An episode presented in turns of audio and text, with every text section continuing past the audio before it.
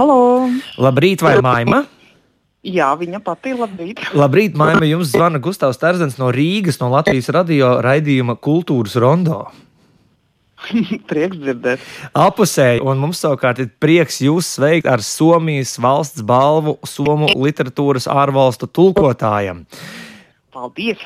Un, uh, līdzīgi kā mūsu klausītājiem, arī man ir tas liels pārsteigums, jo skatoties jūsu tulkojumu lielo klāstu, mums tā, tā, tāds atskārsme pie sevis, kur mēs bijām agrāk, kāpēc mēs mājām par jums uzzinām tikai tagad, kad ir šāda balva saņemta.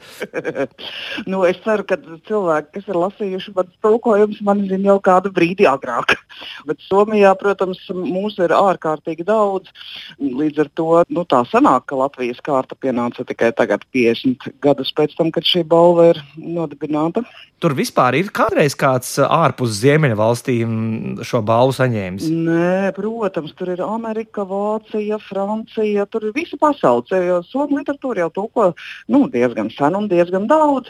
Es atceros, ka pirms dažiem gadiem mums bija Somu literatūras tulkotāju mm, seminārs, tad tur bija kādi 140 cilvēki, un tie nebija visi. Visi jau nebija varējuši atbraukt.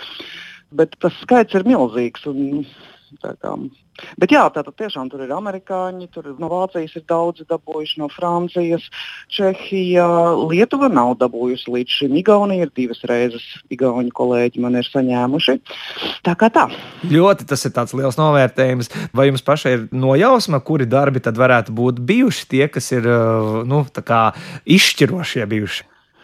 Jā, to ir diezgan grūti pateikt, jo Iespējams, ka viņi, nu, es to pati uztveru kā tādu mūža balvu, ka viņi tā kā skatās uz visu to, uz visu veikumu. Un, um, man jau nav ne mazākās nojausmas, kas notiek tad, kad tā filija padome vai kolēģija, nu, kas izlem to, ko viņi tur spriež, kādi ir tie viņu argumenti, par to man nav ne mazākās jausmas. Bet tur patiešām ir dažādi cilvēki saņēmuši. Pirms pāris gadiem saņēma mana kolēģe, kas tūko tikai un vienīgi komiksus no somu un uz franču valodu. Viņa neko citu nav tūkojusi dzīvē, cik man zināms. Tad, Kaut kad ir arī ļoti jauni cilvēki saņēmuši. Nu, tur to droši vien var uztvert drīzāk nu, kā tādu stimulu. Tā kā man patiešām nav skaidrs, kādi ir tie kriteriji. Ņemot vērā, ka jūsu dzīve tomēr lielākoties paiet Somijā, ko šāda balva, šāds sasniegums nozīmē Latvijas tulkotāju saimē? Nu, tas ir, jā, tas ir labs jautājums. Nu, patiesībā visvairāk tas, protams, nozīmē man pašai, privāti.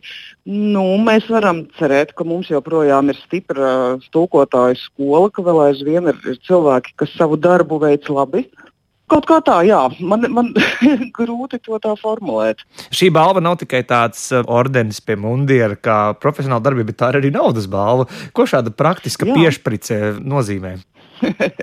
tā kā tūkotāja, literatūras tūkotāja darbs nav pats vislabāk apmaksātais darbs pasaulē, tad nu, gluži vienkārši palīdz justies drošāk pasaulē un darīt savu darbu. Es, piemēram, droši vien pirmo reizi mūžā atvēršu kaut kādu krāju kontu, man tāds nekad nav bijis. Bet visticamāk, skatoties to, cik pasaule ir nedroša un nekad neko nevar zināt, droši vien, ka daļu es ieguldīšu tā. Ļoti labi. Nu, pateiksim klausītājiem priekšā, tas jau arī nav nekāds noslēpums. Šīs balvas naudas apjoms ir 15,000 eiro. Tas ir diezgan. Nu, tas jā, tā sajūta ir tāda jocīga. Manā kontā pilnīgi noteikti nekad tik daudz naudas. jā, un caur, un caur svinību, šampaniešu burbuļiem, tad tomēr atpakaļ uz zemes kādi ir nākamie plāni un darbi, un pie kā jūs mājām strādājat tagad un plānojat. Mm. Nu, es esmu vispār diezgan laimīgs cilvēks. Es esmu varējis gandrīz visu savu tūkotāju mūžu darīt tikai to, kas man tiešām patīk. Restīvi, tūkot grāmatas, kuras es no sirds mīlu vai, vai cienu. Man ir nu, labi, ja 5% tādas, nu, kas nav bijušas manas grāmatas, kas man nav patikušas. Nu, lūk, un šīs gads ir interesants. Man ir viena tāda, viņi nevar nosaukt īsti par populāru zinātnisku, bet nu, teiksim, tāda somu komponista un radiomūzikas žurnālista Osmo Tapio Reihelas sarakstīta grāmata kāpēc laikmetīgā mūzika ir tik sarežģīta.